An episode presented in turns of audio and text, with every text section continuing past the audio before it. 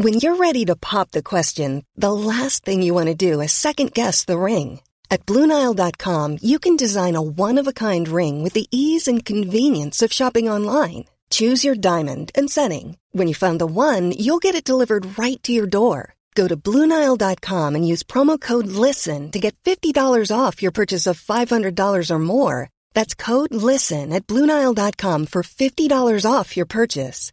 Bluenile.com code LISTEN. Mom deserves the best, and there's no better place to shop for Mother's Day than Whole Foods Market. They're your destination for unbeatable savings, from premium gifts to show-stopping flowers and irresistible desserts. Start by saving 33% with Prime on all body care and candles. Then get a 15-stem bunch of tulips for just $9.99 each with Prime. Round out Mom's menu with festive rosé, irresistible berry chantilly cake, and more special treats. Come celebrate Mother's Day at Whole Foods Market. Hey there, it's Michelle Norris. I'm host of a podcast called Your Mama's Kitchen. When I travel, I'm usually looking for a way to find a taste of home when I'm not at home. And one of the things I love to do when I am at home is entertain. And Airbnb allows me to do that. When I was in California recently, I rented a house that had a great kitchen. And when we were sitting around the table, we we're all thinking, we're in someone else's house. Someone could be in all of our homes as well. If you have a home, but you're not always at home, you have an Airbnb. Your home might be worth more than you think. Find out how much at airbnb.com/slash host. Ja, Øystein, er du klar for pod? Jeg er klar for pod. Akkurat for å av, avverga en liten fin katastrofe her. Fin katastrofe? Fin katastrofe, ja. Jeg fikk eh, PM nå akkurat før vi satte oss ned, fra en fyr som sender Du, jeg har tenkt jeg skulle selge denne bilen jeg har på låven lenge. Jeg har akkurat lagt ut Finn-annonse. Hva syns du om prisen? Så sjekker jeg bildene litt sånn kjapt, og så sier jeg nei, jeg vil si at den der er verdt en ca. 80 000, sier jeg pluss minus. Oh shit, jeg la den ut for 30! Da må jeg skynde meg å endre prisen. Da fikk vi avverga den, hjertet. Så nå ble det lagt ut en spennende Finn-annonse. Å ja. Det kan ikke være så spennende, siden ikke du kjøpte den. Nei Ingen kommentar. Den var spennende. Ja, ja. 54 sortaksk oval. Er du klar for noe annet spennende, da? Ja! Vi kjører pod. Ja, vi gjør det.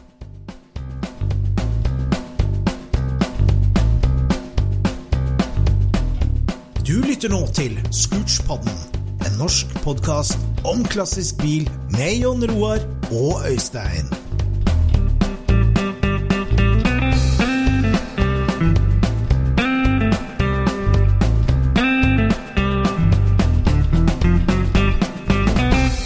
Ja, Scootspoden ruller på, og det er jo alltid veldig hyggelig å ha en gjest i studio. Og nå har vi rigga oss til på Stabbursstudioet. Og um, velkommen til bords, Folke Pettersen. Takk for det. Det vil si, Folke Pettersen er jo light-versjonen. Ja, Ja. det er det. Fordi at for noen år siden så la jo du til et mellom, mellomnavnet Vogn. Ja, det stemmer. Ja, Da veit du hvilken vei dette kommer til å gå. Ja, Ja. det blir en folkevognpod. ja, det er god sjanse for det. Ja, herlig. Ja, Folke Vogn Haug Pettersen, velkommen hit til Skurspodden. Jo, takk for det. Hvorfor la du til Vogn på, som mellomnavn? Ja, det er kanskje ganske åpenbart. Men eh, nei, altså jeg, hadde jo, jeg var jo døpt Folke, så det var liksom ganske naturlig når jeg da hadde folkevogninteressen, at man skulle da få Vogn som mellomnavn. Eh, Det var jo lenge vanskelig. Jeg eh, søkte jo en gang for jeg husker ikke mange år siden her, men da var det liksom blankt nei. Ja, ja. Og så kom eh, Ronny Krabberød og da Nei, Espen Thoresen, mener jeg. Ja, ja, ja. Og da bana vei. Så da var det å sende inn ny søknad, og da gikk det smack igjennom. Så da var det orden. ja gammel var du da, når du ble Vogn? Uh, hva kan det være? 25 eller noe sånt? Ja, Rundt der. Så der Hva, hva sier folk på jobben, eller, eller altså, når du begynte å date og dama di? Liksom, hvordan funka det? ja, det var eh, altså sånn um, Ofte så er det jo på en måte at folk begynner jo også å lure bare ved navnet Folke. Det er et ganske uvanlig navn. Ja. Uh, Når man da liksom får høre at Jeg introduserer meg sånn som det, men når jeg også får høre at jeg heter Vogn som mellomnavn, så er det jo, er det jo vantro med en gang. Så jeg må titt og ofte liksom dra fram legitimasjon og, og ikke minst pass. eh, Sånne ting. Ja, nei, Det har jo sin naturlige bakgrunn. og Du Folke er jo en kjent figur i det norske folkevognmiljøet. Vært eh, ruva der i mange, mange år. Jeg er vel en av de få som har kjørt eh, samme bilen på nesten hvert eneste SSC-treff på Gardermoen, ikke det? Jo, jeg, har vel, jeg, tror jeg, jeg husker ikke om det er to eller tre ganger jeg ikke har kjørt. Ja. Så Ellers har jeg hatt den samme svart 63-en. Stort sett svart boble, ja, helt siden for, ja, for 20 år siden har jeg kjørt første. Ja. Ja. Så jeg har hatt den bilen i 22 år eller noe sånt, tror jeg. Men vi må jo litt tilbake til det, da, hvordan eh, altså, Det var vel et liv før svart 63 boble òg, men Ja, det er eh, Hva skal jeg si for noe? Det er en svart tid.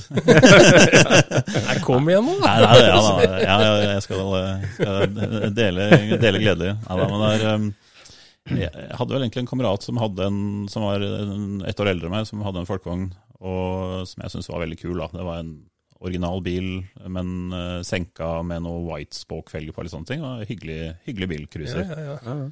Jeg nå er vi tilbake til hvilket sted og Ja. tid, egentlig. Da er faktisk en kamerat med meg fra Grimstad, eh, men uh, dette var vel i kan det være, 94 eller noe sånt. Ja. Og jeg fant ut at jeg hadde lyst på folkevogn, da. Og begynte liksom å titte litt rundt, og i den forbindelse så så jeg en, en annen bil, en lilla, lilla bil med mang, krumma mangles og tøff og senka og brei og fin. Og det, den tilhører faktisk en klubbkamerat av meg, Vegard Langseth. Ja. Han hadde den bilen, og jeg syntes den var dritkul, så jeg gikk bort til han og spurte om bilen var til salgs, da. Men det var den ikke. Nei. Eh, ja, den så du på gata da? Jeg bare altså? så den på gata i Sandvika, Ja. og fant ut at eh, jeg måtte bare gå over til oss og spørre, da. Det- Den var ikke til salgs. Eh, Så det blir sikkert Vegard sinne på meg, for jeg outra han med den bilen. Men den, het, eh, den het Gisbo, da.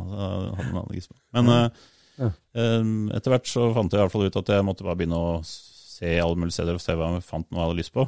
Og så dukka det opp eh, en, en bil som jeg fant syntes var tøff. Da, da var jeg 16 jeg var 16 og et halvt eller et eller annet sånt rundt der.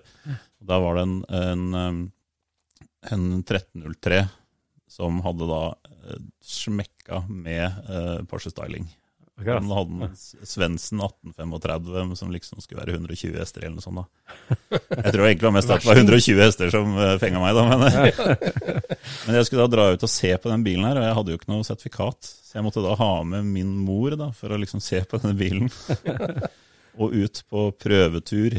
Så mutter'n da igjen i en eh, Porsche-boble med 285 bakhjul og, og trimma motor ute og krysse. Jeg var dritfornøyd, så det var den bilen hadde jeg lyst på. Da Så da endte jeg opp med den bilen. Den hadde jeg en del år. Og jeg husker ikke, tre-fire år eller noe sånt, for jeg solgte den og fant ut at jeg måtte ha noe, ha noe annet. da.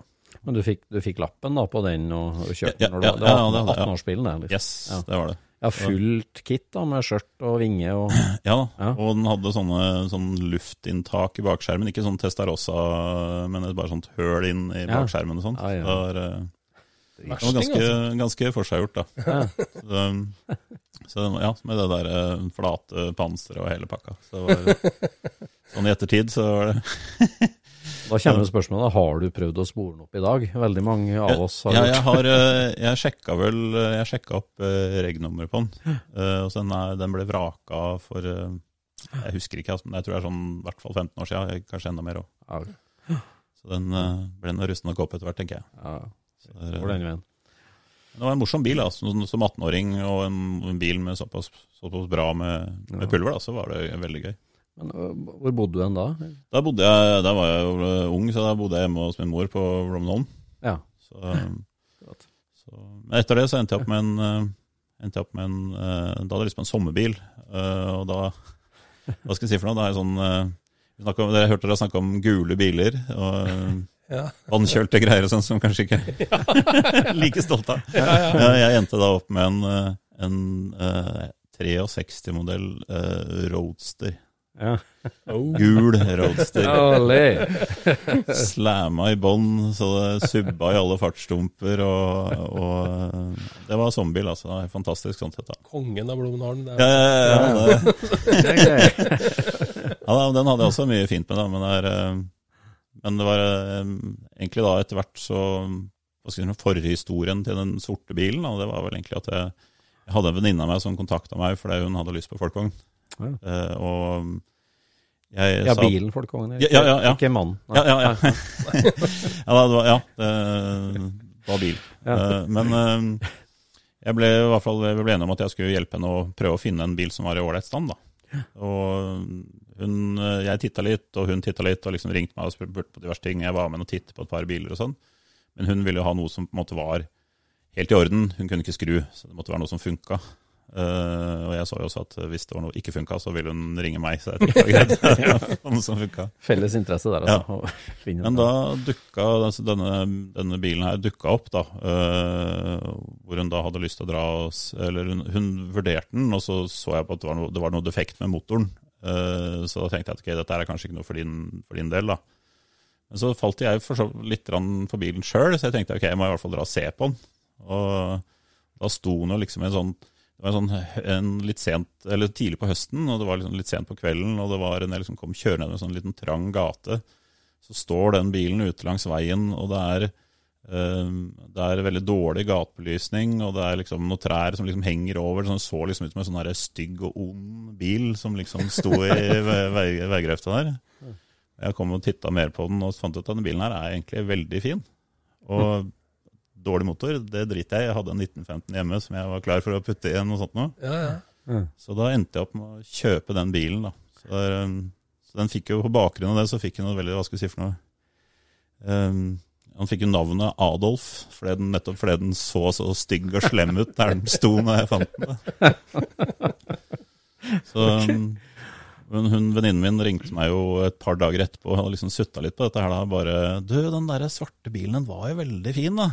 Og, så jeg måtte da liksom eh, bare krype til korset og si at 'du, den kjøpte jeg'.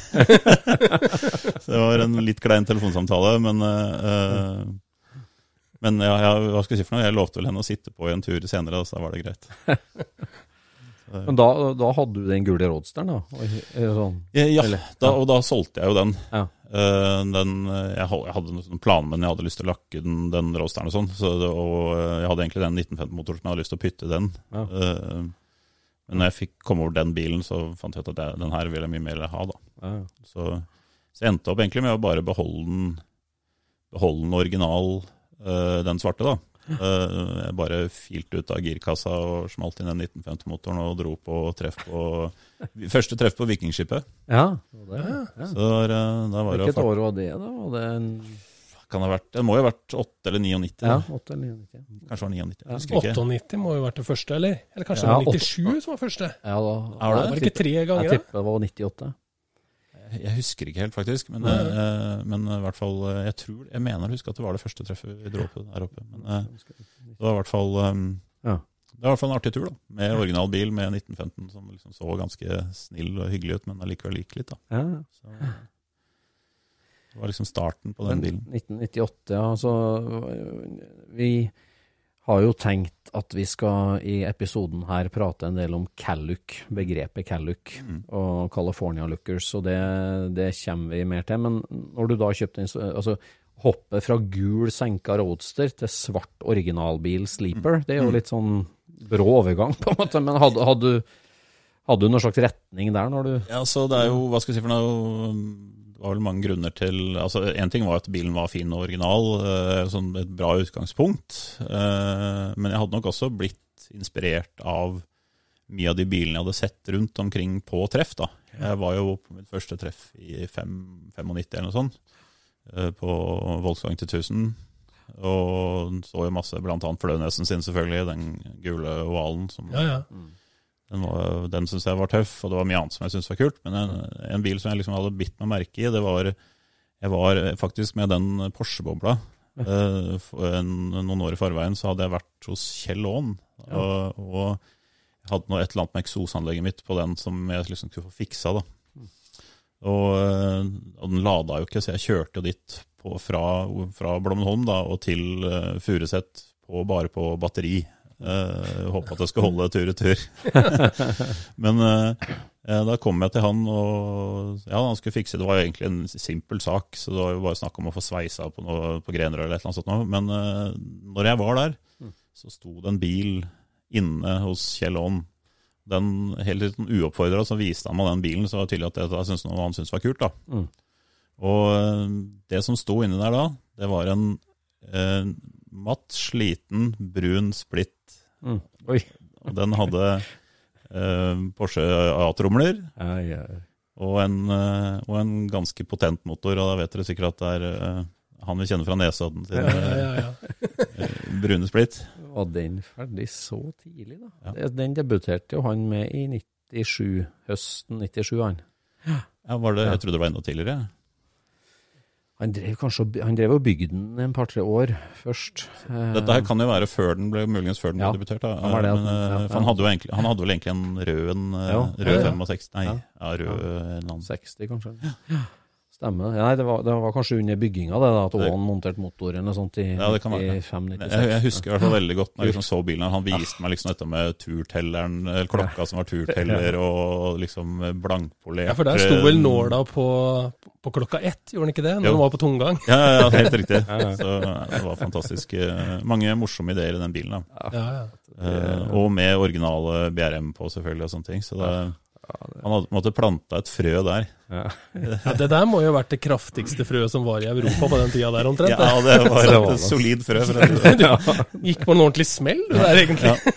Nei, Ja, og mange med deg, vil jeg si, da. Når den bilen kom, og altså, den Ja. brune splitten, Ja. når den debuterte for alvor, det, den påvirka mange av oss, altså. Ja, ja, ja, ja, ja, ja, herregud, man kunne sikkert lagd en hel uh, scootspad om den. Ja. Det er, eh, ja, vi har jo snakka litt om det, dette her med når den var på Valle Hovin og Ja, det var jo der jeg møtte deg første gangen, Ja. deg og Vegard. Eh, og da, da sto jo den bilen til, til han på Nesodden, den sto jo på, på Valle Hovin. Ja. Og der lå det et, eh, et litt slitent eh, brev i forsetet. Og det hadde vi jo begge sett. Ja. Og diskuterte hva som sto i dette brevet om at han har blitt invitert på eh, roadtrip rundt omkring i, i USA for å vise fram bilen og produktene til Empi.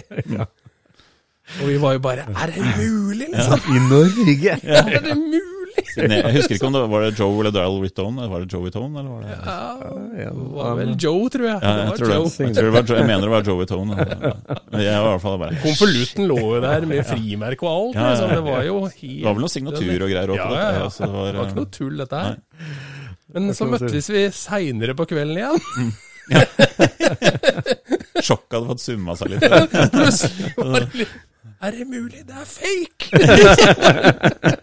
Ja, det var, ja, det var fantastisk. Den, ja, den var, eh, som sagt, den var en uh, viktig kilde, inspirasjonskilde, egentlig, da, sånn, eh, med tanke på det. Så der, der, det var et vendepunkt, rett og slett. Der, Ja, det var, i hvert fall, du- jeg, var, altså, liksom- det var i hvert fall, jeg, jeg huska den bilen veldig godt. Mm. Og jeg liksom, etter hvert som det der grodde litt på meg, og når jeg da fant ut at jeg hadde lyst til å gjøre noe, ikke akkurat likt, men liksom finne mer ut om Calluck-stilen. da, og var fortsatt veldig grønn på det området der, men jeg huska jo den bilen til han vi kjenner fra Nesodden. Mm.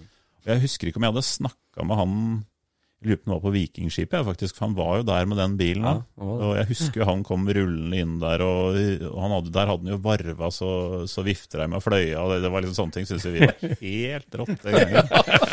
Så det var, så det var eh, Man var ganske solgt da. Men eh, det var kanskje også med å på underbygge det der lysten etter å ha noe sånt. da. Ja. Så jeg, tror, jeg lurer på om faktisk jeg kjøpte et sånt MP GTV-ratt eller noe sånt, ja, han den, den gangen oppe på det Vikingskipet. eller noe sånt. Men uh, Og jeg kjøpte meg USA-skilt av en eh, shady trønder som står rett ved sida. Ja, skumle karer og Ja. mørke dealere. Nei, men i hvert fall en, en på vise var det at jeg egentlig på en eller annen måte greide å få tak i nummeret til eh, han fra Nesodden. Ja, ja. Eh, og, og jeg ringte han og begynte å spørre han om liksom, denne stilen. Da. Jeg hadde liksom ikke greid å finne ut noe, så jeg liksom trodde det het noe Det er flaut å si. Vet. Jeg trodde det het noe sånn English racing look, eller jeg, jeg husker ikke helt hva jeg sa for noe. Men det, det kan, racing. ja, et eller annet sånt noe.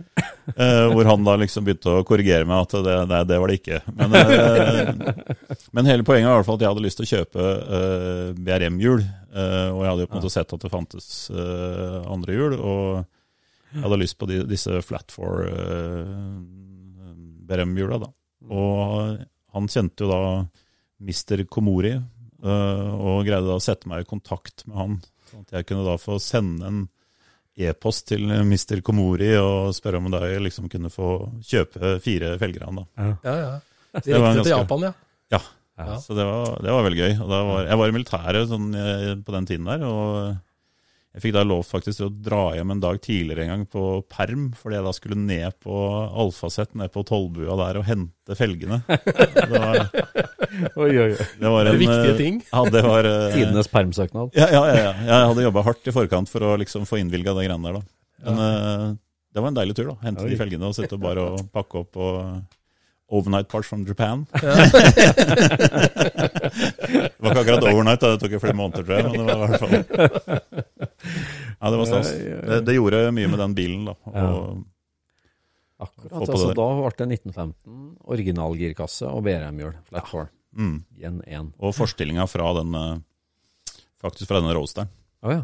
Den var jo Den kjøpte jeg faktisk av Carl Fredrik, dere har jo snakket litt med han. Han fikk den som en feilbestilling, så det var en, til en bayabug, ikke sant. Så den var jo stikk motsatt av det jeg ønska. Så den ble da kappa og sveisa om, og ja, da skulle jeg ha den bilen møkklav, den der roadsteren. ja. ja. Så, så den står jo faktisk nå på det høyeste. Eh, ja, ja. så, um... Og den har jo fortsatt stuk framover. ja, ja da. Ja da. Ja. Så eh, Men det er, ikke en, det er ikke en lang vei med masse biler, egentlig. Du, du, det var to, to eksperiment, og så smekk, så ja, ja, ja, det var egentlig det. Ja, det var bare altså, jeg vet ikke, det var noe med liksom Jeg syns bare ting funka, da. Det så bra ut, og det var, det var bøllete. Det hadde jeg lyst på. Så der, er eh, Hvor lenge holdt den girkassa? Men ikke- Ja, den, ja, med 1915-motor så holdt den jo faktisk ganske lenge. Ja. Så det, er, eh, så det var jo litt sånn herjing og sånn, men ikke noe sånn voldsomt. Vi kjørte på gatedekk og sånn uh, hovedsakelig, så da, da holdt, det, holdt det en god stund. Jeg og Vegard blant annet hadde jo også liksom fått øynene opp for Calluck-stilen, så vi, vi hang jo mye sammen og starta vår inspirert av uh, eh, DKP, som vi sikkert kommer tilbake til etterpå, men uh, vi hadde lagd vårt eget uh, racingteam som het eh, NOS Racing Team, og det er liksom, den står da for Nostalgia on Slicks. Var, Ambisjonene var klare. ja, ja, ja, ja, vi hadde vel blitt inspirert. Så, så, sånn etter hvert så ble det sånn, navnet ble sånn klumsete, for det var ble fort veldig mange biler med NOS da. Og det var jo veldig sånn nymotens greier, så det, liksom, det ødela liksom litt av det, der, det kule med det navnet. da. Så det falt, falt litt bort etter hvert. Ja, for du fant fort eh, ja, Vegard har vi snakka om, og, og likesinna, og det ble jo en sånn Calluck-klikk fra Oslo-området, egentlig, Mm. da, med vår venn fra Nesodden, selvfølgelig, og German Parts Ja. i grønn buss. Og, Nettopp. ja. Så det er, Så det rulla jo på der. Ja da, du hadde jo denne ja, den Oslo, eller hva skal jeg si for noe, branchen da, som var med den der Snellfarer-gjengen, Mm. eh, som hadde en del, eh, en del kule biler da. Ja, ja absolutt. Så eh, man ble inspirert av det, garantert. Ja. Herlig. Nei, vi, får, vi må ta for oss uh, Calluck-bobla, litt, eh, altså begrepet Calluck og California-look. For det er jo altså, Vi snakker, har jo snakka ofte om det at folkevognhobbyen eh, er jo en veldig spennende sted å være for bilentusiaster, fordi at den er så mangslungen. Det, vi har vært innom Baia, og du snakka om Porsche-look. og det er banekjøring, og det er offroad-kjøring, og det er vintage veteran og termostreff, og det er drag racing, og det er så mange fasetter. Men liksom Calluck uh, er jo en, en, en sjanger som, um, som har stått stort og sterkt i mange, mange år. Og det som er litt sånn rart med Calluck, tenker jeg, det er at det har, det har jo liksom forandra seg veldig. Altså, det har jo gått i en loop da og kommet tilbake, for så vidt, men det starta jo med en egen stil, og så ble det jo sånn 80-talls- og 90-tallstype Calluck-stil òg. Så Calluck Baja-stilen har jo vært konstant hele tida. En Baja-bug har jo sett helt likedan ut. Og en German looker eller en, en banebilrigga bil har sett ganske lik ut. Men Callucken har liksom forandra seg veldig, egentlig. Eh, men, eh, men vi må jo litt tilbake til begrepet og hvordan det her starta og sånn. Og folket, du er jo godt inni det. Eller i hvert fall, eh, hva skal jeg si for noe, gjennom åra så har man jo på en måte fanga opp en del. Og eh, jeg, syns jo på en måte det er Hvis man skal liksom prøve å gjøre en veldig lang historie kort, da, så må, må man synes jeg uansett man må ta med eh, liksom hele begynnelsen, det som egentlig starta liksom med forløperen til det som etter hvert ble Calluck. da. Mm. Eh, blant annet en som jeg mener er en viktig person å, å ta fram, er Joey Tone, som hadde Econo Motors, og senere da starta eh, MP. Ja. Eh, han tilrettela jo bl.a. ved å importere Okrasa eh, og Denzel og en del av disse high performance partsa som var uh, fra i Europa, men også utvikla en del selv. Uh, og han, han hva skal jeg si for noe, tilgjengeliggjorde jo uh, trimdeler som gjorde at folk kunne liksom få, få litt mer power i disse bilene sine. Og det mener jeg er sånn en, av de viktige grunnene til at man faktisk altså tilrettela for at det kunne bli en Calluck-stil. For det, Calluck innebærer også litt at man skal ha litt motor. Og Sånn sett så tenker jeg at uh, Hvis man tar inn DKP, f.eks., som var den første ordentlige klubben som ble liksom etablert uh, i 65 eller noe sånt, mm. Ron Flemming. og de var jo i utgangspunktet egentlig studenter, og de var ute etter en, en, en rimelig bil. Og det var det for de, og de kunne få relativt en ganske kul og, bil som gikk helt ålreit for en rimelig penge. Mm. Og det var det på en måte han, f.eks. Joey Tone og mm. disse her som tilrettela for. da. Så, og en, en, essensiell ting her er jo at uh, Joey Tones butikk den lå jo Riverside, California. Ja, ja. Mm. ja helt klart. Så han, uh, han uh, innførte jo da folkevogn-hotrodding mm. i USA og, og California. Mm. Han, hadde jo, han hadde jo den den som senere ble inch-pincheren, egentlig. Det var jo da den bilen som han kjørte med, blant annet sånn, sånn Nassau Volkswagen Racing. Da mm. fikk han med seg han uh, Dan Gurney. Dan Gurney. kjørte den. Uh, yes. Da, de ble jo diska og greier og sånn, men de, de, blåste jo alle av banen uh, på det løpet der. Mm.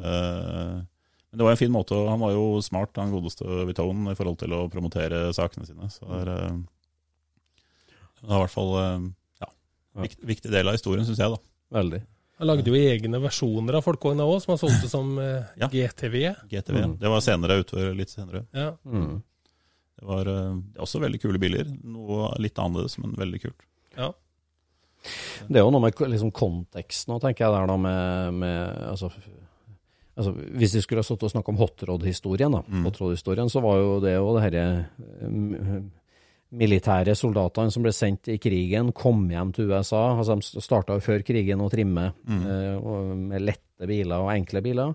Kommer hjem fra krigen, og hele trimmingsindustrien med alu-toppdeksel og, og dobbeltgasserinnsug og alt det, det bare raser på. liksom Hotroddinga blomstrer. Customizing med bil og alt det her utover 50-tallet. Mm. I Europa var vi utbomba og utarma, men i USA så lekte de med bil til tusene oppover 50-tallet der. Og når, ja. når, boblesalget tar helt av, og pionerer som Joe Vitone, som du sier, da, fra mm. seint, eller var det 657 han starta først, ja, og, og rulla på utover der på 60-tallet, så, så, er det jo liksom noe med konteksten òg, at liksom det å leke med bil og trimme med bil, det var jo en sånn kokepunkt i California mm. på det. Altså mm. hotrodding og alt starta der. Så det at han var i Riverside og lå der, og, mm. og så stripekittet som vi ser på GTV-en, ligner jo på Mustang. på en måte, Det, samme, mm. det, er, jo, det er jo samme sjangeren. Så det var liksom en, det var på en måte litt sånn naturlig at det her skjedde, egentlig. Når.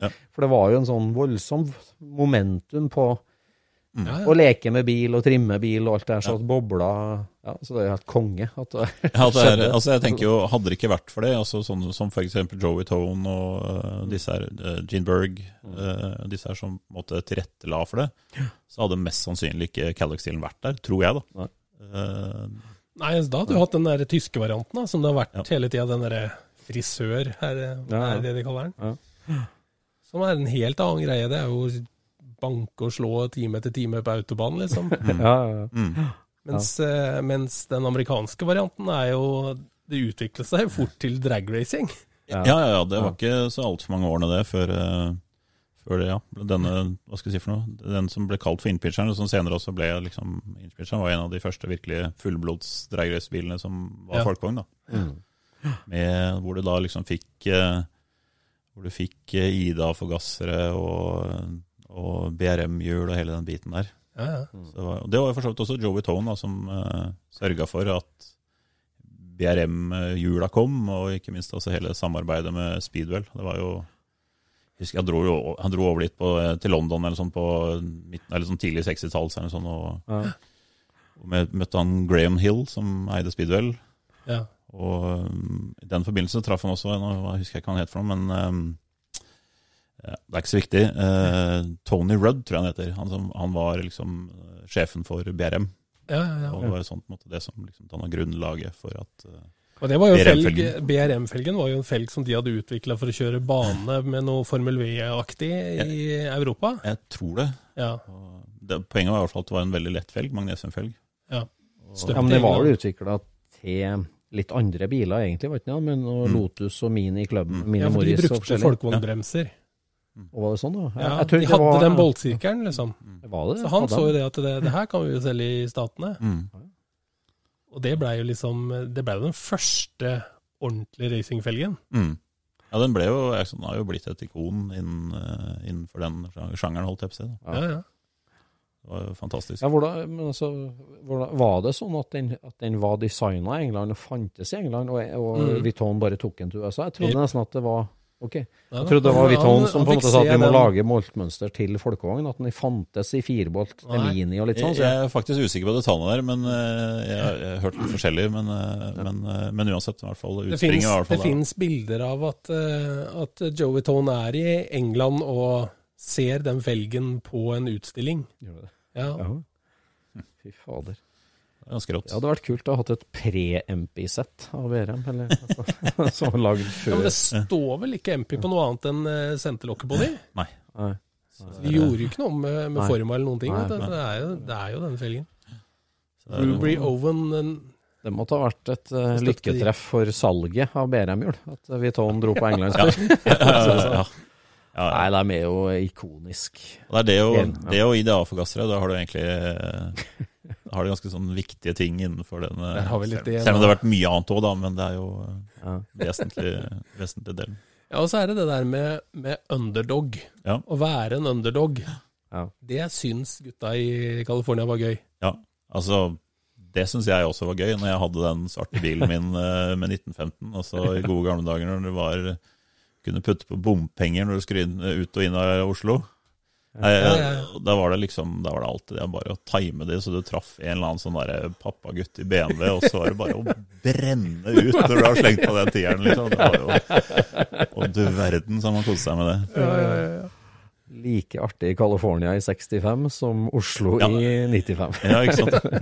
Er, eh, Eller 2015, for den del. Det er for så vidt en ganske artig historie, egentlig. Som, um, I forhold til akkurat med IDA, da. Det var jo eh, eh, derfor det jeg har fått hørt, er at eh, det var Carol Shelby som introduserte eh, IDA-forgasseren for Gene Berg.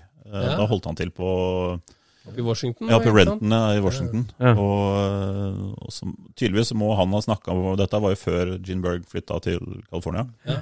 Så, så tydeligvis må de ha snakka om hverandre på, på kryss av kysten der. da. Ja. Så for den uh, innspinseren kjørte jo med disse idealgasserne Jeg tror det var 667 eller et eller annet sånt. nå det- Jeg tror det var 67 eller sånn. Ja, hvor den eh, liksom kom i den, eh, den versjonen som liksom ble kjent med Flames og hele den biten der. Mm. Så det er um, tydelig at uh, Tydelig at man folk som sagt snakker sammen, da. Ja.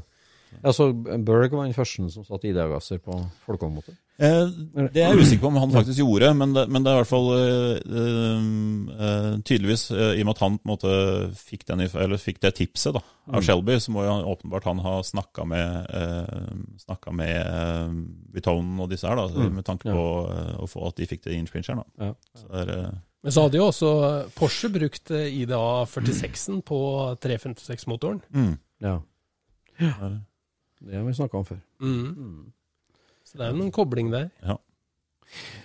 Ja, for at der, altså Gene Berg ja, starta opp i Washington. Han flytter jo ned og begynner å jobbe for MP uten det først? Før han starter sjøl? eh, han, ja, men nei, han jobba vel um, Jobba han ikke han for Dean Lauria? Ja, kanskje. Jeg, jeg tror det var et halvt års tid eller sånn, så tror jeg det ting skjærte seg, og så starta han for seg sjøl. Ja. Og så Dean Lauris jobba i hvert fall for MP. Han var jo Ja, sjåfør. ja, ja, ja da. Det var han og Daryl Witton ja, som liksom styra mye med frem og tilbake der med inchpincheren. Ja. Eh, og så begynte etter hvert Dean Laurie for seg selv med Dino Dinosaur Mm. eh, i 69 eller et eller annet sånt. 69, ja. Jeg tror det var da jeg tror et, et, samme år eller et år etterpå en sånn at Gene Burr kom nedover, og, så Ja. etter hvert da etablerte Og Fat Performance er vel også sånn type 69? Ja, det er jeg tror litt senere. 71 eller noe sånt. Ja, akkurat. Eh, Det var i hvert fall eh, Da skjer det mye, altså. Altså Hvis du tenker deg liksom perioden fra 65 til 72, da. Mm. Det er liksom en Der skjer det sykt mye vesentlig innenfor Cadillac, da. Ja. Uh, Ja, og folkevogn dragracing. ja, ja, ja, ja, ja, ikke sant. Ja. Eh, Da, da har du jo liksom Du har Ray Shop Mm. med Daryl og Fume for Kaia, som er legendarisk porter. Uh, topp, porting av topper. Fat Performance, selvfølgelig, og alle disse her. Det er um, mye spennende der, da. Ja. Så, For det, det, som, det som på en måte skjer der, er jo at uh, inchpincheren, den, uh, den går jo på bane i starten. mm, Og går, eh, går fort.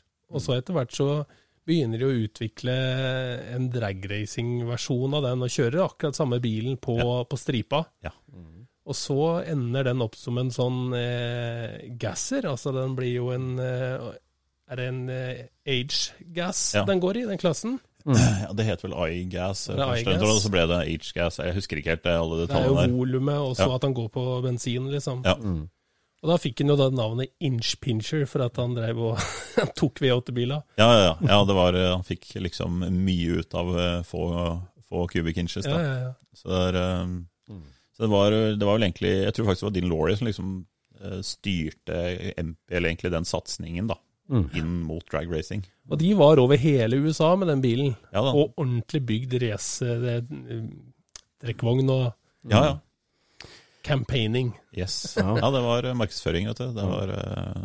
Ja, men Det var han vel veldig dyktig på, var ikke det? Det var Jo. alltid supertopp. eh, Det var, på, og det var jo på en måte det der som selvfølgelig også tror jeg var, ikke sant, var en viktig inspirasjons, inspirasjonskilde for alle disse som studentene da, som på midten av 60-tallet, sånn som f.eks. når du hadde DKP-bilene. De første DKP-bilene var jo sånn det du kaller liksom for pre-Calluc. da. mm, Eh, ja, Ron Fleming sin er jo et godt eksempel. Den eh, Ovalen. svarte ovalen, ja. mm. Med rockethjul eller hva det tror jeg han hadde på. Og, Ah. Eh, Ja. Det var fortsatt med støtfangere og liksom eh, original motor, tror jeg det var. Eh, jeg tror det kanskje bare satt på en sånn krumtut på originalgasseren, og så liksom så, så, så litt ålreit ut. Men, Krysser på Sunset Boulevard. Ja, yes, ikke sant. Jeg tror nok, altså jeg tenker den impacten der, når de da ser på en måte en, en sånn type boble som bare går noe så grønnjævlig, da. Ja. Mm. Så det er, eh, DKP var jo en klubb eh, som hadde navnet Der Kleine Panzers, mm, de små tanksa. Ja. Mm. Det er vel egentlig feil, eh, feil eh, Ja, det meste er feil her. Men eh, det hørtes sikkert veldig bra ut der borte. Ja. det, det gjør det for meg, klinger det helt topp, eh, Ja, ja. i hvert fall. Så jeg er dårlig på tysk, så Ja. Og de, Ja, det- det, der blei det jo Noen av gutta kjørte jo dragracing med bilene sine på, på stripa. mm. Men etter hvert så blei det jo veldig bra fart i alle gatebiler òg. Mm. Så de, de sier jo det, vet du, at, eh, at når noen kom fram på en eller annen uh, nattlig oppgjør eh, og ville kjøre om kapp, Mm. så spør de liksom ja, er det noen der som vil kjøre. Så sier de bare ja, ta hvem som helst. Ja, akkurat passe cocky. Ja, Fikk enig jo. Ja, ja. ja, det ble ganske drøye etter hvert i bilen, så det var jo Ja. veldig tøft. Ja, veldig tøft. Mm. Men, eh, for du, du snakker jo om pre-Calluc-stilen. For det som vi snakka om, at uh, dragracinga og utviklinga der driver jo liksom at trimmingsdelene og sånn, og så setter på gatebiler. Og pre-Calluc Altså, det var jo det her De tidlige bilene òg var jo biler som var bygd i California med stuk. Ja. Så de kunne jo hett Callucer av dem òg, men det, det er jo et helt spesifikt punkt i tiden da Calluc-begrepet ordet blir funnet opp. Ja, ja, ja, det er er eh, Ja, det ble jo, hva skal jeg si for noe, eh, sementert med februarutgaven av eh, Hot VV 75. Mm.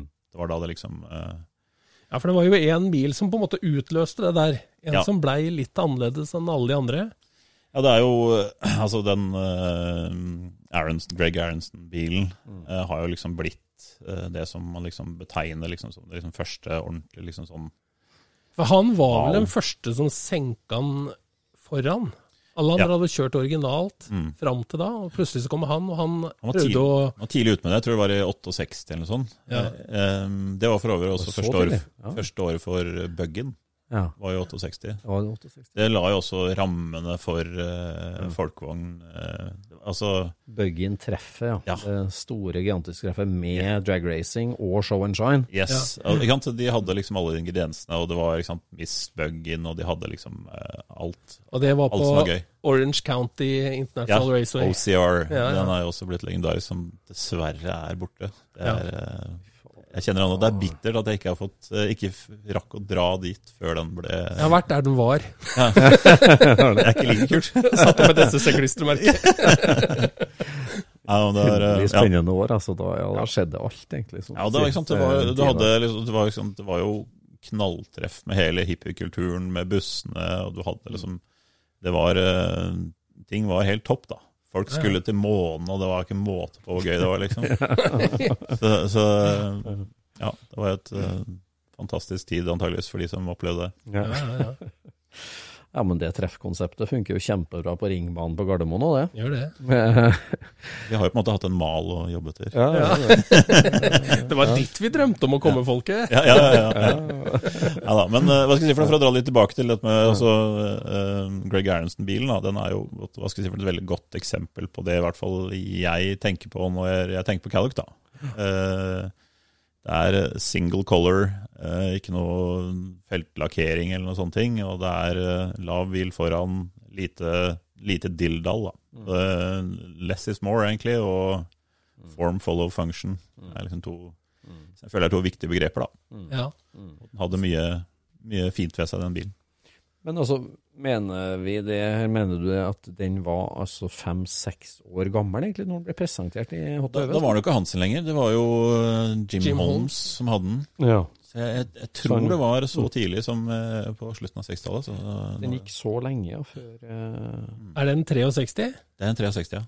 En, en kjøleskapshvit 63 uten lister, med svarte kedelister og svart ragtop Yes. og sota ruter. T-bars. eh, T-bars ja. og luftinntak på motteluka bak. Yes. Det er ganske artig. Det, det lokket heter liksom nå bare Arrington Decklid, Ja, ja, selv om det er et MP Decklid. Så, så er, Og inni så var det pleksiglass eh, dashbord med, med instrumenter bortover bortover hele lengden. Og, og MP sånn bucket baksete med to bøtteseter bak. jo- Den bilen er i Skottland nå, ikke sant? Han har, Ja, har kjøpt det- den. her. Og, ja. Den ser helt lik ut, den i dag. Ja, den, eh, den er, ja, jeg tror den har, blitt, den har sikkert blitt restaurert eh, tilbake igjen til det, eller Ja. Jeg vet ikke om det har blitt endra så mye på den, men den ble i hvert fall bare gjort om, bygd på nytt igjen, tror jeg, for å få den liksom helt mint condition. Mm. Ja. Jeg tenker at det der er et eh, Det er jo et journalistteknisk eh, veldig interessant grep òg, det som skjer med den artikkelen februar 1975. At du liksom som journalist En ting er å presentere en bil, men å liksom være modig nok til å si at liksom det her er stilen, den heter det her, og her er arbeidstegninga, liksom. Ja, for de lagde en det være. arbeidstegning. Ja, de lagde jo en tegning.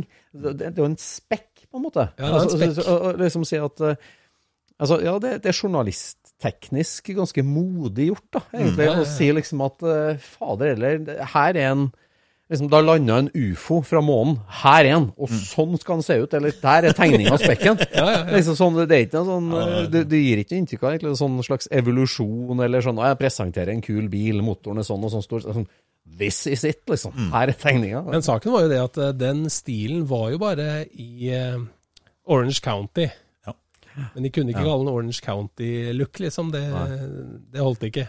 Og så det bladet, eh, Hot Veves, det solgte de over hele USA. Ja. Og for så vidt også til Europa. Ja. Men eh, de var liksom en så tydelig stil at dette her var noe mellom, liksom. Ja, ja. Her er det det så det. mange biler som følger denne oppskriften at eh, vi har bestemt oss for å skrive den ned og døpe den. Ja, for at I 75 da var det jo mange klubber. DKP var jo pionerklubben, selvfølgelig. Ja. Men da var det jo DKK kom jo Ja. Ja. Der, der, Hva heter det? Der Kleiner Kampfagen, eller noe? ja, ja, ja. Det var mange, det, som Ja. eh, var da. Og uh, Bug-in. Ja. Og det ble jo Ja, da, da var jo uttrykket der. Arbeidstegninga var der, og, og det rulla på. Men så, som vi snakka om, da, så, så utvikla seg Kellex-stilen. Og i på 80-tallet så skulle det senkes bak, og det skulle være pastellfarger og masse krum. Ja. Ja, den eh, modernisertes jo, og så, så blei det jo en Hva skal vi si? Den blei jo aldri eh, dyrka på den måten som den var på 70-tallet i Europa. Nei, i jeg, hele tatt. altså sånn, eh, nei, altså, sånn som jeg i hvert fall tenker på 80-talls Calluc, så føler jeg på en måte at man eh, Det er helt riktig som du sier, disse pa- pastellfargene og bilen ble lavere bak, og hele, men jeg følte man gikk litt bort fra det der som måtte lå til grunn i den første delen av det, da, hvor du hadde egentlig en, en rå motor også, og at det, det gikk fælt.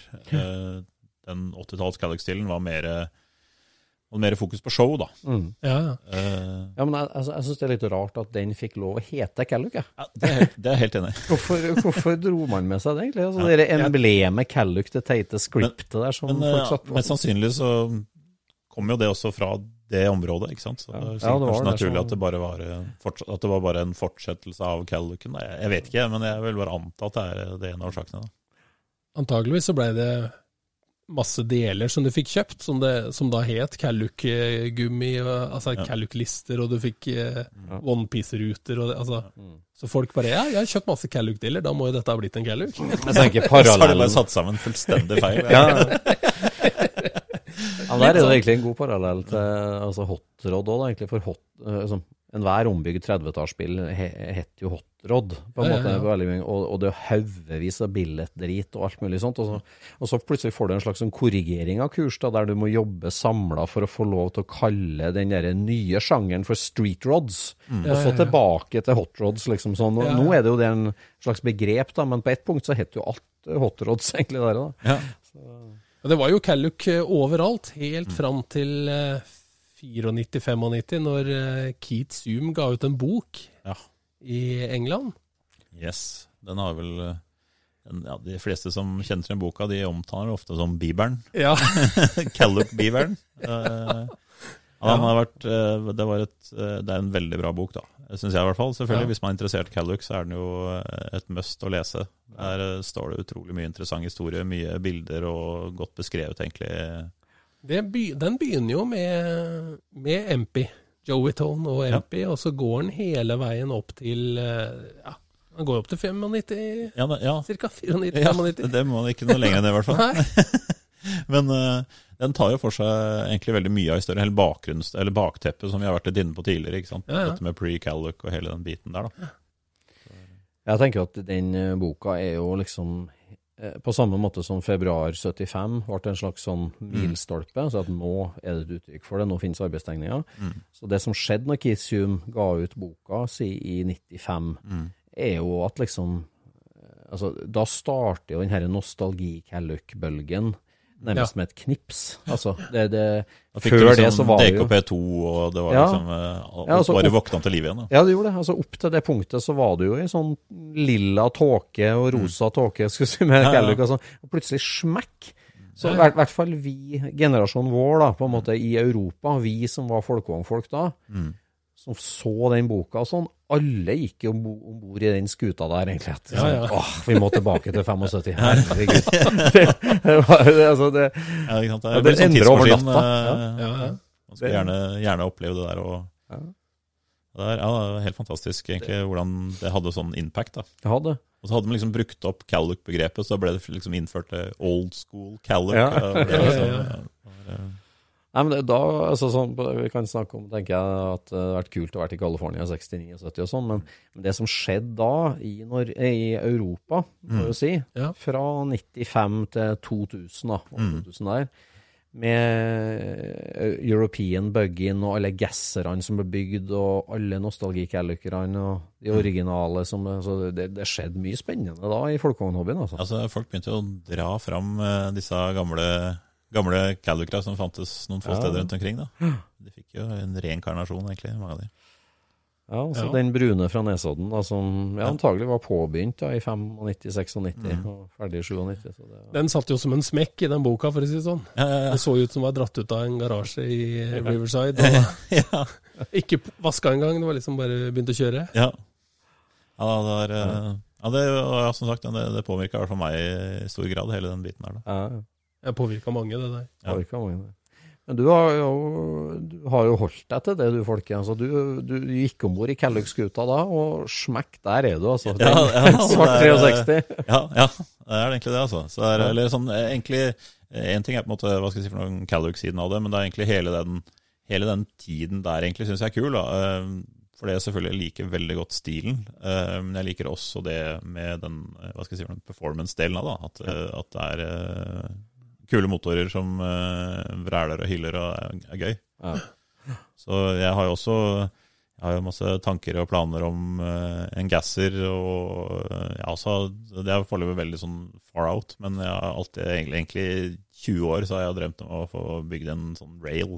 Ja. Ja, Ja. Drittøft. Ja, eneste ulempen er liksom sånn lang stake å få putta inn en sånn der liten sigareske. Det vet jeg ikke helt hvordan det skal gå. Men eh, det er, eh, Ja, du snakka om en sånn smal rødrammedragster, selvfølgelig. ja. À la Så- hva heter den? Little But Quick. Ja. Den, eh, Yes. MP Dranksteren er jo Ja, ja. Den er fin. Den er vel i Japan nå, tror jeg. ja, Ja. ja. ja, for hvordan ser 63-en din ut nå? Nå er det jo ikke originalgirkasse lenger, og ikke 1915. Nei, det er det ikke. Så den eh, Ja, for hva skal jeg si for noe? Ta det tilbake til Norge igjen. Men det er eh, eh, Jeg fikk Jeg kjøpte en eh, Dere kjenner jo begge Karsten Berentsen. Han, eh, han eh, som hjelper litt skinne på diverse ting. Men eh, han hadde tilbake i rundt 99 eller et eller annet sånt noe, så hadde han en motor som lå ut for salg da. Og det var en Okrasa, en Okrasa-veiv og Porsche Roller som, som lå borte i Bergen. Så da ble det roadtrip over Hardangervidda for å se på dette greiene her. Og ikke veldig erfaren, selvfølgelig, men jeg visste at det var good stuff med noe Krasa-veiv, så den, den gikk jeg for. Så, så da plukka jeg opp den, og så viste jeg at det var eh, ja, Blokka var noen rare greier, og litt sånn, eller gjort noen rare ting med sånne ting, men eh, det endte opp med at André Karlsen, som, eh, som eh, hadde gått rundt og sparka i eh, skiftenøkler og diverse ting nede hos Kjell Aaen, han kom jeg i kontakt med på et tidspunkt, og fikk han da til å bygge den motoren til meg, da, men da en, som en, da en 2332-motor. da. Ja. uh, og da med noe Delorto-forgassere, for da hadde jeg ikke fått tak med noe Ida-er ennå. Så der, eh, da var jeg, uh, var jeg jo eh, oppå Hva skal jeg si for noe? Opp, oppå Lillehammer-traktene. Og sammen med en bekjent, og, og ramla borti Bjørn Rognlien. Ja. Uh, og der sto det jo noen eh, 48 Idar som var tatt opp til 51,5 mm, og de ville jeg ha. så, og da fikk jeg lov til å kjøpe de, så det var jo en lykke for min del. Så etter hvert da så havna jo de forgasserne på den, eh, på den motoren, da. Men den, eh, da var det med den inn, og jeg fikk da en annen en gjennom Kjell Aaen, en som heter Andreas Nærby, til å bygge girkasse. Mm. Uh, Så da fikk vi liksom en eh, med superdiff og litt mer eh, Men det var fortsatt standard første og andre gir, men det var et sveis av tredje og fjerde gir, og det var litt, rann, litt rann mer holdbart enn den originale kassa fra, fra 360. Ja. Og litt bedre aksjer og den type ting, da. Men eh, da ble det i hvert fall en, en bil som var litt mer hva skal jeg si for noe, rusta for å kunne kjøre litt, da. Ja. Så den var vel klar i 2001, tror jeg. Mm. Så tror jeg den var liksom klar for veien. Da hadde, ja. da hadde, fortsatt, eh, da hadde bilen fortsatt støtfanger og sånn, men det var liksom lav, eh, lav foran, hadde fått på BRM-hjula og, og 20570 bak dekk, selvfølgelig. Og, sånne Ja, ting. og fått inn noen bøttestoler og dette MPG GT-ratt og sånne ting. Så jeg var eh, Er det ikke bur i nå, da? Jo, da, fra, da kjøpte jeg faktisk en Kollevoll rally-import. Altså, Ja, ja, ja. de- Da tok du inn et bur, og så så, ja, det sto til kanskje Volkswagen 1200. Det var jo til en 1303, så det var jo helt bom. Så jeg måtte jo sveise om hele framdelen for å få det til å passe. Da. Ja. Men eh, det ble fint, veldig fint, da. Ja. Så var uh, vår felles bekjent og god venn uh, Erik Dahlberg Ja. som hjalp meg med det den gangen. Ja. Så, Ja. så etter hvert så ble det av det med fanger og av, en av de definitive verstingene på eh, første hestestedet der. ja, Ja, ja. det er ganske artig, egentlig. Det var, eh, da, var det ganske, da var det ganske ferskt. Da, så var jo, hadde, ikke fått stive av rammegaflen bak, så det var jo hjulhopp ut av en annen verden. Dro av. Ja. Satt der og klapra jo hele gebisset, hangla jo rundt. og Hvor mye hester er det vi prater om? da? Den, eh, den ble faktisk bremsa til 100 var det 180 eller sånn, uten viftreim. da. Ja, ja, ja. Så det var ganske ålreit. Jeg tror det var 167 med, eller et eller annet sånt. Merka forskjell til Roadsteren og Ja, ja. Og 1950-motoren. ble det til. Jeg, også, jeg husker jo første gangen når jeg liksom fikk den motoren i bilen. fått inn girkassa. Jeg hadde ikke liksom fått på bakskjermer engang. Jeg skulle bare ut og prøve dritten. liksom. Så det var bare uten bakskjermer og motorlokk og noe originalhjul på, tror jeg faktisk hadde på da. Og, og ja, Vegard faktisk var jo med da. ikke sant? Så Det var jo og det var sånn helt eh, Det var en magisk opplevelse. Det var aldri kjørt noe som gikk så fælt før. liksom. Det var så gammelt. da. Så hadde du bygd det sjøl? Ja, ja, ja, ja, det var, ja, det var helt sykt. Det var, eh, det var moro. Så, ja, da var det jo da. Så var det, jeg var også i Mantorp med den bilen. og Da kjørte han ikke bort, da, da tok han på henger og sånt. Men det var jo bort og Det var jo så utrolig gøy testa ut greiene. Da hadde jeg faktisk fått fiksa altså jeg hadde ikke hadde disse hjulhoppene. Altså Så jeg tror det var 2003 eller noe sånt. Jeg så kjørte jeg borte. Det var tider, det. Ja, første SSC var også selvfølgelig Det var jo Ja, også helt fantastisk. ja, det. Det var en sånn eh, Igjen egentlig sånn en ting som liksom bare åpna opp en ny verden. da Ja. Som bare gjorde at det bare, den bilen jeg hadde, bare ga enda mer mening. Eller ga mening. ja, ja, ja, ja, egentlig strengt tatt. Så eh, ja, det var Ja, da. Ja, der, der kan vi snakke om å lage vår egen lekegrind. Ja, ja. Bygde bil, og så et treff. Ja, ja det var uh, helt fantastisk. Det er eh, første året, var det for 40 biler, nei, 40 totalt 20-25 som kjørte på stripa eller sånn. Flagg, Ja, ja. flagg starta, det var helt nydelig. Ja, Mange girkasser har du knust bort på Gardermoen, du? Uff, ja, det er, det er noen. Jeg, eh, jeg har i hvert fall tre, eh, tre har jeg i hvert fall knust, da. Så det, var, eh, det, var da, det var da den kassa som ble bygd til bilen, men da med et standard, en av de sterkeste førstehandegirene som var oppdrevet originale, da. Ja. Uh, men uh, når det er liksom på med slicks og, og det grepet som kan bli på Gardermoen, Mm. og når du liksom da slipper kløtsjen på sånn 6000-7000, så er det jo da raspa det reint hele første giret en del ganger. Jeg husker jeg plukka opp noe drev på Veddel borti California når jeg var der. ja, Som sitter i kassa di, regner jeg med. ja, ja, ja da. Det var eh, Hvis de har overlevd. Ja, det har de. Så det, det var godt å få noe ordentlig, en ordentlig drevsats. Så Ja, ja. Holdt. Så det var, eh, jeg, hadde noen, jeg hadde noen år på en måte hvor, eh, hvor det bare var, eh, var egentlig bare første draget, så sa det pang, og så hadde det ryk i kassa. Så, Ja, ikke sant. Så, så, Men det her med hestene, liksom. Altså, for den som ikke er så godt kjent med dette her, sånn, så er det jo litt sånn artig å tenke på at i 1972 så skulle NP Inchpincheren ha 235 hester. ja. Ja, ifølge et, et, et, eh, magasin så, så har den det. Ja, Den, eh, den hadde jo eh, Det er for så vidt ikke så potensielt i hvert fall ikke så langt unna sannheten. Eh, Jeg husker den står jo skrevet to- to- 208 på sida av den, eh, men eh, oppå taker, eller over takeren eller noe sånt. Men Men den hadde jo en Er ikke det volumet, det, da? Var det var det? det? Ja, det tror jeg det er. Ja, det husker jeg ikke. Men, men i hvert fall, eh, den hadde jo på et tidspunkt Så hadde den jo en eh, Hva heter det? Sharrock Ja, ja. Supercharger. Ja. Uh, og Ja. da hadde den visst nok 220 hester eller noe sånt. Men den motoren ble jo tatt ut og putta i den Ja. The Joester.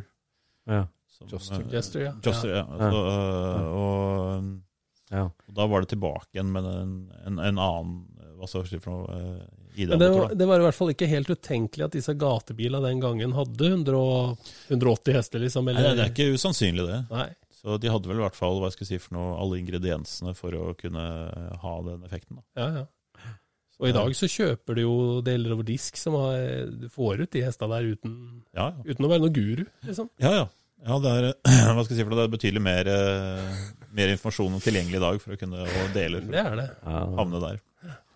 Det er, eh, altså, og det er liksom på en noen original 1600 type 1-blokk. Det er jo ganske fantastisk at det egentlig holder i hop.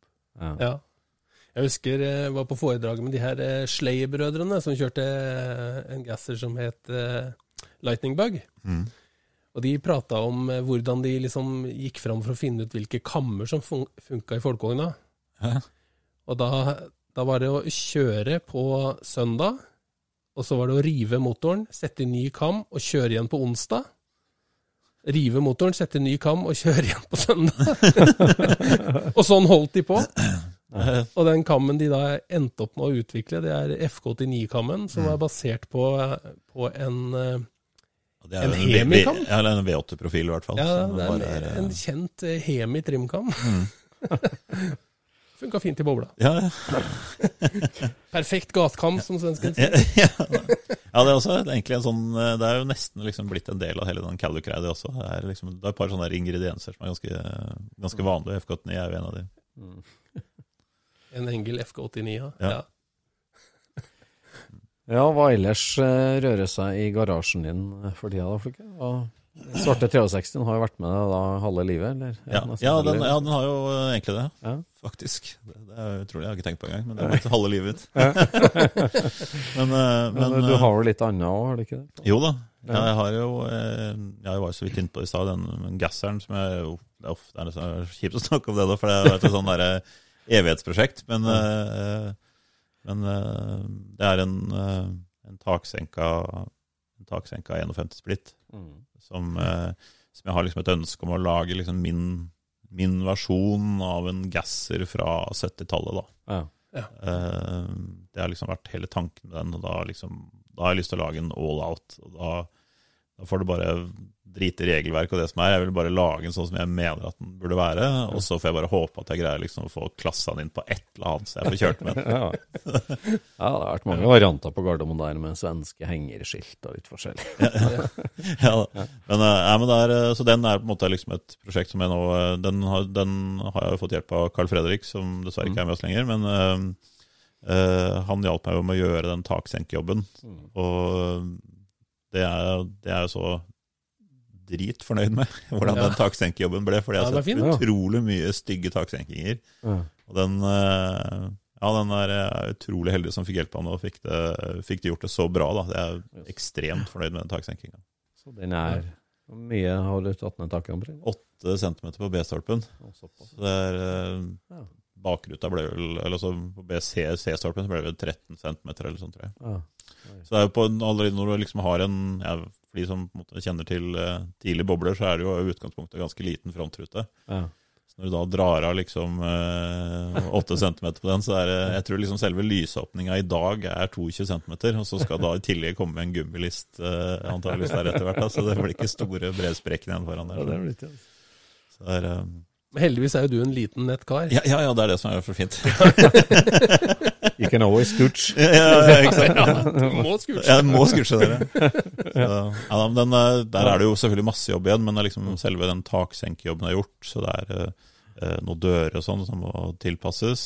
Og så er det selvfølgelig alt det andre med å få, eh, få på Jeg har skjermer, jeg har uh, glassfiber motorlokk, eh, nei, panser. Jeg leter fortsatt etter et Aronson Deckled, eh, som jeg har lyst på. eh, og litt sånne ting, Så en del, samler litt deler, da. Eh, har noe småtteri til motor og litt sånne ting som jeg liksom har samla sammen. Men det er fortsatt mye jobb med den bilen. Men det er, eh, ja, jeg har hatt den svarte som liksom jeg har hatt, holdt på med. Man har hatt, eh, holdt på med hus, barn og alt dette her, sånn, så den tiden man har hatt, har liksom gått i den svarte. Men nå føler jeg liksom at jeg begynner å få litt mer tid til å kanskje kunne holde på, Mm. holde på med den, da. Mm. Så, Ja. Akkurat. Du har da vel flere spennende prosjekter òg? Ja, jeg, har det. Jeg snakker ikke så mye om, eh, om de, kanskje, men, er, men jeg har en eh, som du kjenner til, det er jo en, en 53 modell 356 Mm. som, eh, som jeg kjøpte for mange år siden, som jeg bare egentlig har hatt stående i påvente at man skal ha liksom, kapital til å gjøre noe med den. Så, eh, så, så jeg har egentlig sånn sett for meg nå at jeg, den bør jeg egentlig begynne på nå ganske snart. Så, er, eh, så det er i hvert fall planen min, da. Å prøve å få gjort noe med den òg. Mm. Den er, hva skal jeg si for noe, i hvert fall som et utgangspunkt her, så er jo, vil jeg Dere har snakka litt om det tidligere, det der med at man liksom bare eh, bare innse at man kanskje er lurt å bare betale for å få noen til å gjøre en, en jobb for seg, sånn at man ikke bare gror fast i disse prosjektene. Og der, den bilen er på en måte så sjelden og så viktig at det blir ekstremt bra at det er det hadde vært eh, katastrofe å eh, sende meg løs på den der. Fin å lære seg å sveise på den. Ja, nei, ikke sant? Det er ganske dårlig utgangspunkt. Så, så, så, det skal i hvert fall liksom få sendt bort og få en rustfri, et rustfritt karosseri øh, som er grunna, i hvert fall. øh, er liksom det jeg har lyst til. Og så kan jeg drive og pusle med Resten. motor og drivverk og hjuloppheng og alle de andre tingene sjøl, da. Det er liksom tanken. Det blir spennende. Ja, det, det har vært øh, drømmebilen min siden jeg var 17 år eller sånn, og når jeg liksom endelig fikk kloa i den, så var det ikke så mye å lure på. Ja, Blir motoren fra den svarte da også. ja, ja. ja, det hadde vært eh, kunne vært veldig gøy. Da. Så, ja, men jeg har tenkt litt på det, at det hadde vært gøy å hatt en, eh, hatt en litt Ikke noe sånn voldsom, men en litt hyggelig type 1-motor med litt, kanskje sånn 110-120 hester som putta inn i den bilen. Den er jo mm. var 55 hester originalt i den her Porsche, så det var ikke voldsomt mye. Nei, det er herlig. Hva med, med drømmen om eh, originale BRM, da? Hvordan går det med dem? Å, den, eh, den forstår hva jeg skal si for noe. Den, Den problemet er at- sliter, Ja, river fortsatt. i- Ja, det, det gjør det, altså. Det er liksom eh, Hva skal jeg si for noe? Jeg, jeg var jo en lang periode liksom som Eller på den, den, den tiden hvor jeg liksom begynte med den bilen, Mm. så var jeg jo på en måte som disse gutta på California på 60-tallet. Var student og dårlig råd. Så, eh, men herregud, det er jo eh, så mange ganger jeg har tenkt at jeg gjorde masse dårlige prioriteringer. Jeg burde bare liksom bare ha satt av penger til det, bare fått kjøpt de felga. For nå er det liksom Nå er det så svindyre, de originale, at det er jo helt krise. Ja. Så det er, eh, ja, det er, jeg vet ikke, det er jo 70 000-80 000 for et, eh, fort for et sett. Så. De er blitt, Ja. blitt dyre. ja, ja. Det kan man si om mye. Ja, Du har jo gjort en par investeringer som er veldig lur, da. Jo, jo da, ja, da, så det, det kan man si. Nei, det er veldig bra. Nei, eh, Calluc kan vi jo prate endeløst om, Jon Roar. ja, det kan vi. Eh, det kan vi. Det, og det er jo ikke minst dette det at eh, det at amerikanerne har vist hvordan du kan drive bilhobby med folkevogn nå, gjør at det er så kult å drive med folkevogn. Ja, det vil jeg si er innfallsvinkelen min, altså at jeg driver med folkevogn på amerikansk vis. Ja. Ja, det er noe med altså, at vi snakka om det Bug-in-treffet og SSC-treffet, at det er en festival. At det er liksom det er åpent for alt og alle, og det er ikke noe snobberi, det er ikke noe britisk eh, lord-faktor i hele tatt. Det alle er like. Ja, ja. Og, og liksom det å trimme hva som helst, og det å kjøre fort og leke. Og, altså, ta lek på alvor, da. Det, det er det amerikanerne har vist oss. Og Calluc-stilen er jo kongeeksempel på det. Så det er det. Eh, Hva har folkehobbyen vært uten? på en måte? Nei, Det, det kan du si. Ja, det er, ja, altså, ja, det som jeg var litt inne på, det er jo liksom Jeg vet ikke om jeg hadde vært like liksom, die hard inne i folkemiljøet som jeg er nå, hvis det ikke hadde vært for det. Da. nei, nei, Eh, så kan sies for mange, det. Ja. Ja, for det var, jo de, det var jo de amerikanske bladene som liksom viste hvilke muligheter som fantes, og, og der ser man jo alle retninger. Ja, ja. Der er det reportasje fra Baja ja. 1000, liksom. Minst. Eller, ja, altså det er, det er alt. Det er alt.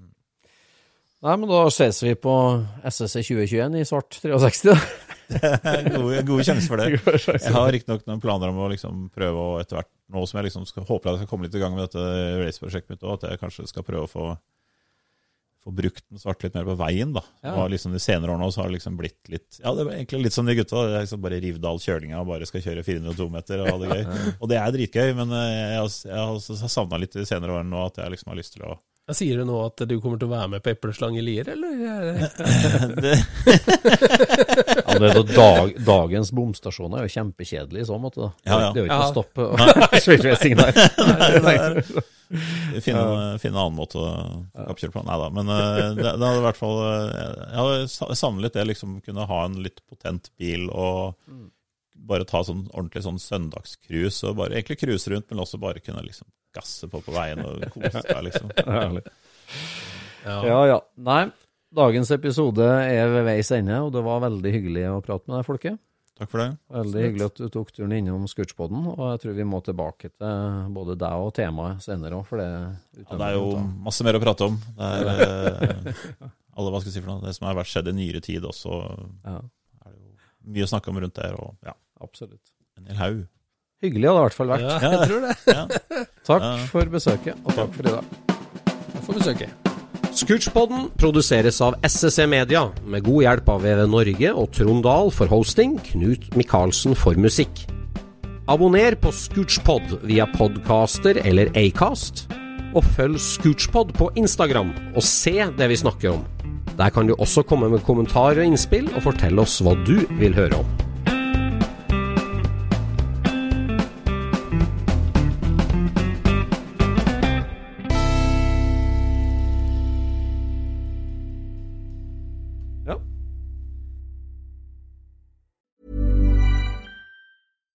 Flexibility is great. That's why there's yoga. Flexibility for your insurance coverage is great too. That's why there's United Healthcare Insurance Plans. Underwritten by Golden Rule Insurance Company, United Healthcare Insurance Plans offer flexible, budget friendly coverage for medical, vision, dental, and more. One of these plans may be right for you if you're, say, between jobs, coming off your parents' plan, turning a side hustle into a full hustle, or even missed open enrollment. Want more flexibility? Find out more about United Healthcare Insurance Plans at uh1.com. Hey, it's Paige DeSorbo from Giggly Squad. High quality fashion without the price tag. Say hello to Quince. I'm snagging high-end essentials like cozy cashmere sweaters, sleek leather jackets, fine jewelry, and so much more. With Quince being 50 to 80% less than similar brands. And they partner with factories that prioritize safe, ethical, and responsible manufacturing. I love that. Luxury quality within reach. Go to quince.com slash style to get free shipping and 365 day returns on your next order. Quince.com slash style. Mom deserves the best, and there's no better place to shop for Mother's Day than Whole Foods Market. They're your destination for unbeatable savings, from premium gifts to show-stopping flowers and irresistible desserts. Start by saving 33% with Prime on all body care and candles. Then get a 15-stem bunch of tulips for just $9.99 each with Prime. Round out Mom's menu with festive rosé, irresistible berry chantilly cake, and more special treats. Come celebrate Mother's Day at Whole Foods Market.